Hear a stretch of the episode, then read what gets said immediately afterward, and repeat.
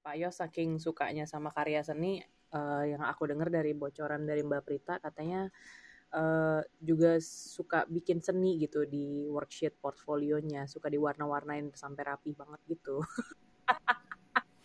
itu benar banget. Jadi penasaran loh kayak itu benar gitu banget. wujudnya. Beda ya. Seni itu karena saya bawel kalau itu. nih, um, kalau Pak Yos kan suka mewarnai worksheet, kalau host berikutnya nih suka melukis chart nih. Silakan Ko Michael. Halo, selamat malam Pak Jos. Gila, ini ini terima kasih banget kesempatannya karena uh, saya sendiri kayak serasa lagi nanya orang tuanya orang tua saya. Kenapa? Karena pengalaman Pak Yos di market aja lebih tua dari umur saya. Jadi Ouch. Aduh kamu Willy. dari tadi ini kayak kayak kayak kayak ngedengar ceramah dari orang tua saya. Wow, it's amazing for me. Eh, begini Pak, eh, mumpung udah agak malam nih, saya pengen banget ada pertanyaan yang pengen saya nanya ke Bapak. Itu eh, saya melihat dari tadi bagaimana Shalendra itu memiliki public relation yang really really good terhadap klien. Nah, sementara return yang Shalendra juga dapat itu is very high. Nah, I believe that itu dua hal yang berbeda banget Pak. Karena untuk menganalisa market itu kita perlu sifat yang condong introvert tertutup. Sedangkan untuk memiliki relationship yang baik dari terhadap klien itu kita perlu skill seorang extrovert. How come you can handle like ini bisa bisa ini bisa dibalance itu seperti apa gitu Pak? Hmm, that's a very good question. Um, Oke, jadi um, jujur kalau saya disuruh menilai diri saya sendiri, menurut saya saya ini orangnya cenderung lebih introvert daripada ekstrovert loh, I see. Oke. ya kan? Tapi eh, jadi introvert itu cocok dengan apa saya bisa nganali apa orang yang suka Hmm. nganalisa saham, duduk di Right. belakang meja, ngeliat segala macam data, dan kita interpretasi data itu seperti apa, ya kan? Itu yang lebih cocok buat orang-orang introvert. Tapi kenapa bisa ada strong engagement sama klien dan kadang-kadang saya bisa ekstrovert? Jawabannya adalah mungkin karena gini loh. Because I love what I do so much. Sehingga waktu ngobrol sama klien itu saya selalu saya ngobrol dengan passion. Ya kan? Dan kalau kita sangat passionate dengan apa yang kita kerjakan, ya kan?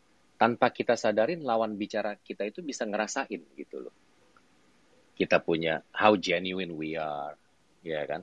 How passionate we are about apa uh, the conversation dengan mereka, ya kan? Itu mereka bisa ngerasain tanpa kita sadarin gitu loh, ya kan? Hmm, Yes. Jadi mungkin jawabannya kenapa bisa saya introvert and extrovert at the same time. Mungkin jawabannya karena because I love what I do so much. Sehingga waktu saya ngobrol sama klien, ya kan, saya nggak berasa bahwa itu sesuatu pekerjaan gitu loh. Ya kan, saya berasa ini sesuatu yang memang saya memang demen ngobrolin ini seperti ini. Itu kali ya. Wah, it's really good, really good. Kita tadi nih Pak Bapak bicara mengenai passionate. Uh, I believe ya ini yang dengar malam ini juga rata-rata tuh semua passionate di dunia saham. But most of them itu not happy with the pressure karena we know that pressure di dunia market ini kan kuat banget ya Pak Jus ya. Nah, Hmm. how do you handle this? Apakah dengan contohnya meningkatkan skill untuk memahami market, untuk mengelola dana atau kayak lebih baik saya meningkatkan skill di sisi psikologis karena uh, we know that market is about psikologis playing juga Pak. Mm-mm. Jadi gini loh, ya kan. Um, apa? If you work in the capital market, Yes. the problem adalah you will meet so many smart people, very intelligent people. Mm. Ya kan? This is probably menurut saya, you know, fund management atau jadi uh, apa uh, stock investor is probably still one of the best, if not the best job in the world, Mm. menurut saya, ya kan? And that's why I'm doing this, gitu loh, ya kan? Um, now, uh, kenapa saya bilang tempat ini yang namanya capital market is a very competitive world karena kayak saya bilang tadi gitu loh. We get to meet so many intelligent people, so many smart people, ya kan? Some of them are actually quite genius gitu loh, ya kan? Um, nah, di sini yang saya mau bilang adalah begini. Kita udah sering denger orang ngomong you have to love what you do. Bener nggak? Benar, benar banget. ya kan? Semua orang selalu ngomong oh you have to love what you do gitu loh. Ya kan? To be successful. Maksudnya apa? Kok kedengarannya kayaknya klise gitu loh. Ya kan? Jadi saya mau cerita dikit nih ya kan belakangan saya baru ngerti gitu loh. Karena Steve Jobs dulu salah satu orang yang pertama yang selalu ngomong love what you do, ya kan? Apa sih maksudnya? Kedengarannya klise karena semua orang ngomong begitu gitu, ya kan? Cintailah pekerjaan kamu. Jadi saya cerita waktu saya dulu baru lulus kuliah di London, ya kan? Saya balik ke Jakarta, saya berasa udah kayak King Kong. Ya kan? Saya berasa saya udah hebat banget gitu. Wah, you know, one of the best graduates dari City University Business School, you know, which is quite a good business school di di UK, ya kan? Uh, best dissertation of the year ditawarin scholarship, you know, whatever, whatever. Wah, saya kerja di Citibank dulu. Permulaan, ya kan? Saya masuk Citibank, Iya. um, saya berasa saya udah kayak King Kong. Saya berasa saya udah paling pinter deh sedunia gitu loh. And then pengalaman saya di Citibank itu sangat berharga buat saya. Ternyata waktu saya masuk Citibank, saya baru ngerti gitu loh. Ya, yang pinter bukan cuma saya sendiri, banyak banget yang pinter di Citibank. Kenapa? Dulu Citibank itu adalah is probably one of the most prominent foreign institution yang ada di Indonesia, ya kan? Semua orang yang lulus dari luar negeri yang jago-jago ya kan? Semua pengen kerja buat Citibank. Dulu tuh begitu gitu loh di akhir tahun 80-an ya kan? jadi waktu saya baru masuk Citibank saya baru ngerti waduh gila ternyata di sebelah sono ya kan? Ini banyak banget nih trainee-trainee-nya nih. Wah di sebelah sana ada lulusan Oxford. Sebelah sananya lagi sebelahnya lulusan Cambridge sebelah sana lulusan MIT Stanford Yale Berkeley you know semua top universities ada di situ lulusannya And then saya baru ngerti gitu loh. Wah, ternyata yang pinter ini bukan cuma gue gitu loh ya. Banyak banget yang pinter ternyata, bahkan banyak banget yang lebih pinter dari gue gitu loh. Ya kan? So, waktu saya keluar dari Citibank, saya join Lipo Securities, saya punya konsep baru cara saya kerja bagaimana. Sekarang saya udah agak lebih humble, ya kan, bahwa oh saya udah mulai ngerti nih. Ternyata yang pinter itu banyak orang, bukan cuma kita sendiri, ya kan. Dan saya mulai bilang, oke, kalau begitu saya akan assume semua orang sama pinter sama saya. Dan pertanyaannya adalah, kalau semuanya sama pinter sama saya, bagaimana caranya saya bisa outperform the others? Ya kan? Iya. Karena kalau kita mau bisa stand out di satu perusahaan atau satu organization, we have to outperform. Now, how do I outperform kalau if I know bahwa saya punya peers itu semuanya equally smart? And there's only one answer to that, yaitu I have to work harder, Oke. ya kan? That's the only way saya bisa outperform. Kalau kita sama pinter, ya kan? Saya harus kerja jauh lebih keras. And that's exactly what I did. Ah, Oke. Ya kan? Orang-orang kerja Senin sampai Jumat, saya kerja Senin sampai Jumat, Sabtu saya ngantor full day. Dari jam 9 pagi sampai jam 5 sore. Hari Minggu orang mau seneng-seneng, saya masuk juga kantor. Tapi cuma setengah hari, dari jam 9 sampai jam 12. I see. ya kan? So karena saya kerjanya jauh lebih keras, obviously saya majunya lebih cepat dibandingin yang lain. Tapi bukan karena saya pinter loh. Karena saya kerjanya jauh lebih keras dibandingin sama yang lain. Ya kan? Now, dan pertanyaannya, bagaimana kamu bisa kerja segitu keras? And the only way you can do that is if you love what you do. That's what it means.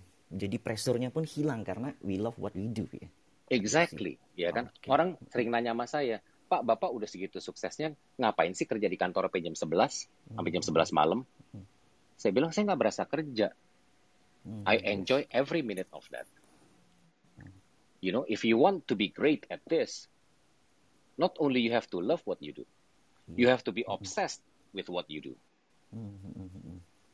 Baru kita bisa menang dari kita punya competition. I see. I'm obsessed. I don't just love what I do. Honestly, I'm very obsessed. That's how I get. That's how I get good at this. Ng- Ngingetin banget sama CEO saya nih Pak Bernardus Wijaya nih. Jadi hampir setiap hari dia aktif di clubhouse, di di live IG segala macem. Ketika saya nanya nggak capek ya, ini dia suka katanya. Dia kalau Yes. nggak begini, malahan dia justru murung. Jadi really, di, really passionate gitu. That's Really you- love Yes. gitu. And that's how you get good at this. At whatever you do. Hmm, Bukan iya. hanya stock market loh. Hmm, Iya kan? benar-benar. You So, have to be obsessed. Oke. Ya kan? Kayak orang-orang mungkin nggak nggak nggak ngerti gitu loh. Saya di kantor sampai jam 11 malam tuh ngapain sih? Actually, you know, yang saya bikin kadang-kadang cukup simple. Saya go through saya punya portfolio, and then I challenge myself.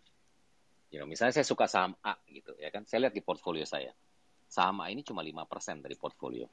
Dan saya tanya sama diri saya sendiri, you know, if you like it so much, why do you only have 5%? Why not 10%? Why not 20%? Or even 30%? Ya kan? You know, and it happens like almost every night I go through different stocks di portfolio saya. Sampai Saya sekarang. challenge diri saya.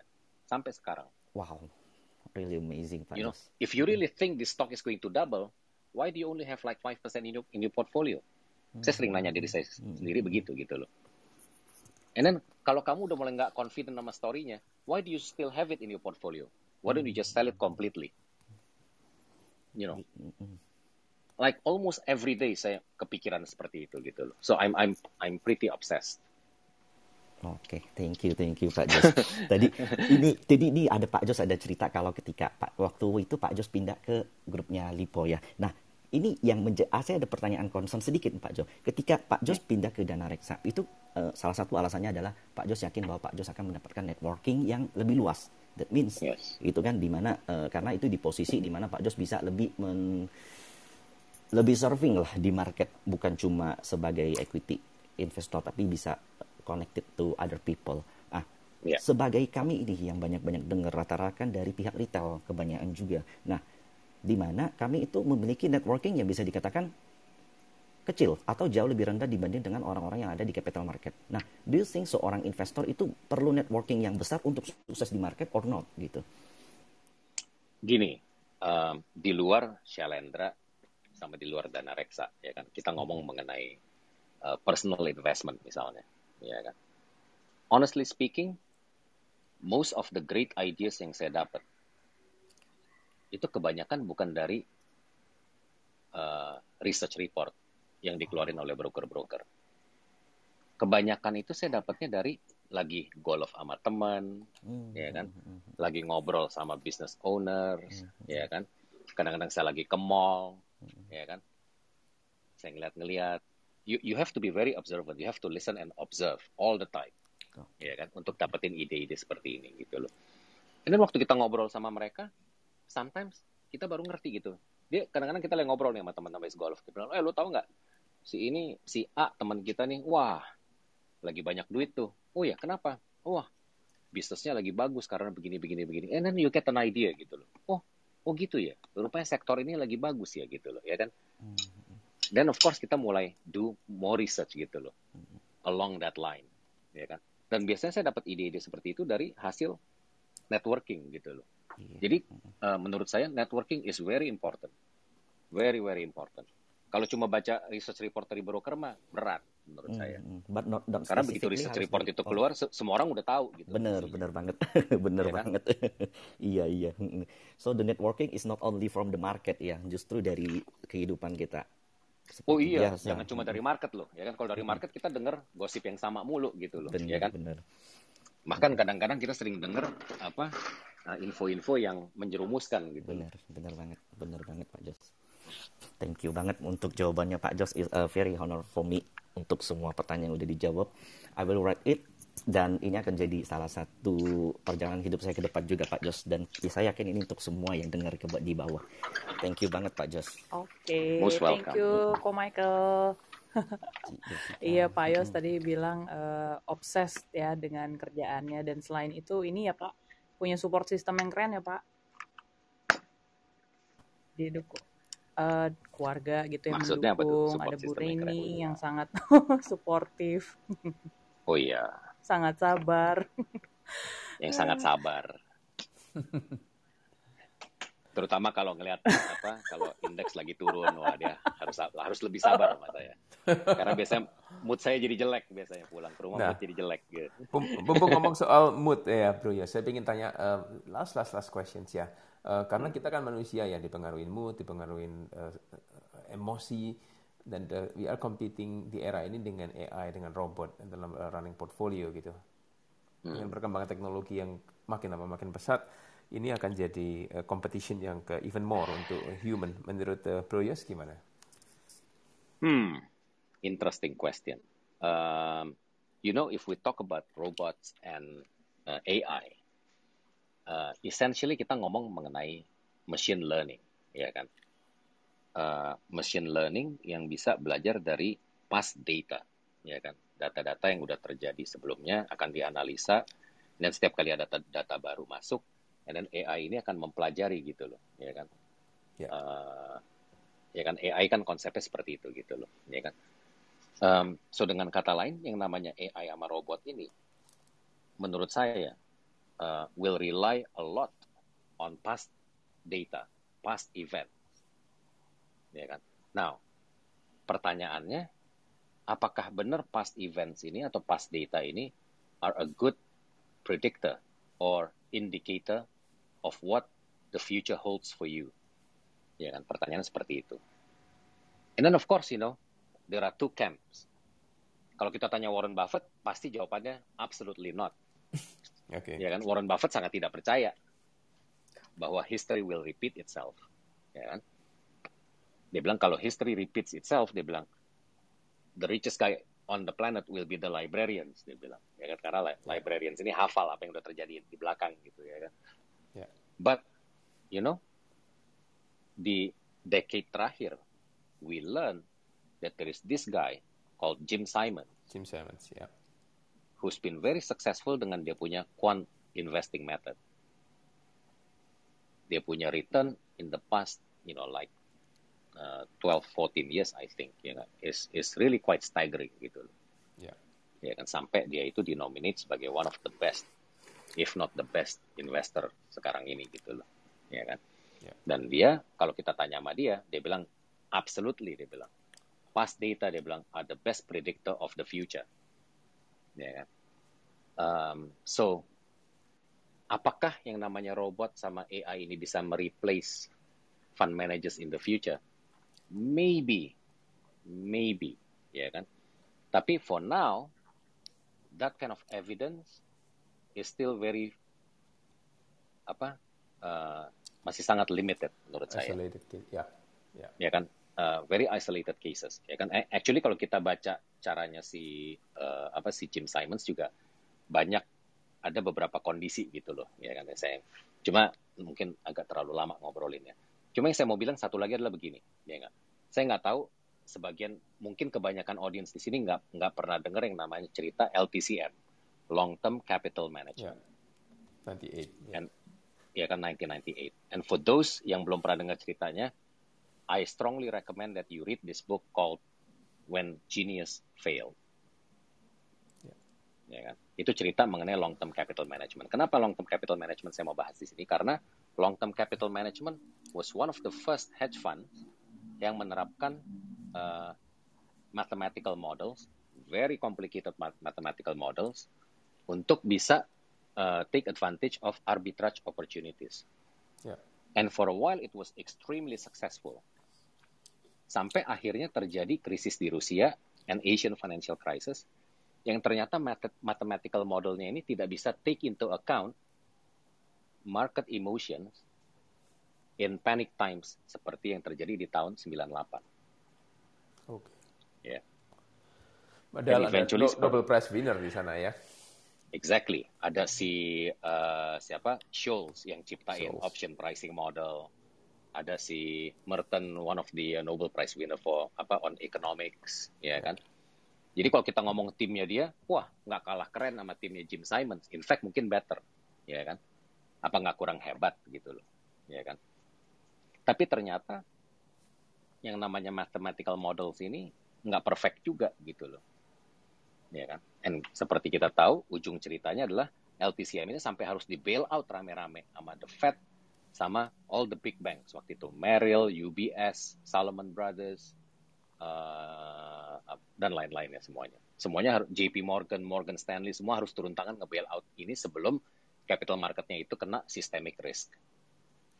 Ya kan? So, you know, to get back to your question, it's highly possible but the evidence that I've seen to date is still very limited. Thank you, thank you, thank you. A beautiful answer, Bro Yos. And uh, thanks, thanks uh, malam hari ini. Em, sekali lagi saya ucapkan terima kasih banyak Pak Yos, Eh, sehat-sehat selalu. Terus uh, Amin. Sehat-sehat. Bro. Terus uh, terima kasih juga untuk para host, terus tamu tamu host juga ada Ko Michael Yo, makasih ya. Terus ada Mbak Nia, ada Mbak Prita, makasih banyak. Um, selamat istirahat ya semuanya. Makasih semua. Jangan lupa follow Instagramnya saya kaya ya. Oke. Malam semua. Terima kasih banyak. Terima kasih. Ya, terima kasih sekali lagi to everyone. Bye Yes. bye. Thank you. Thank you.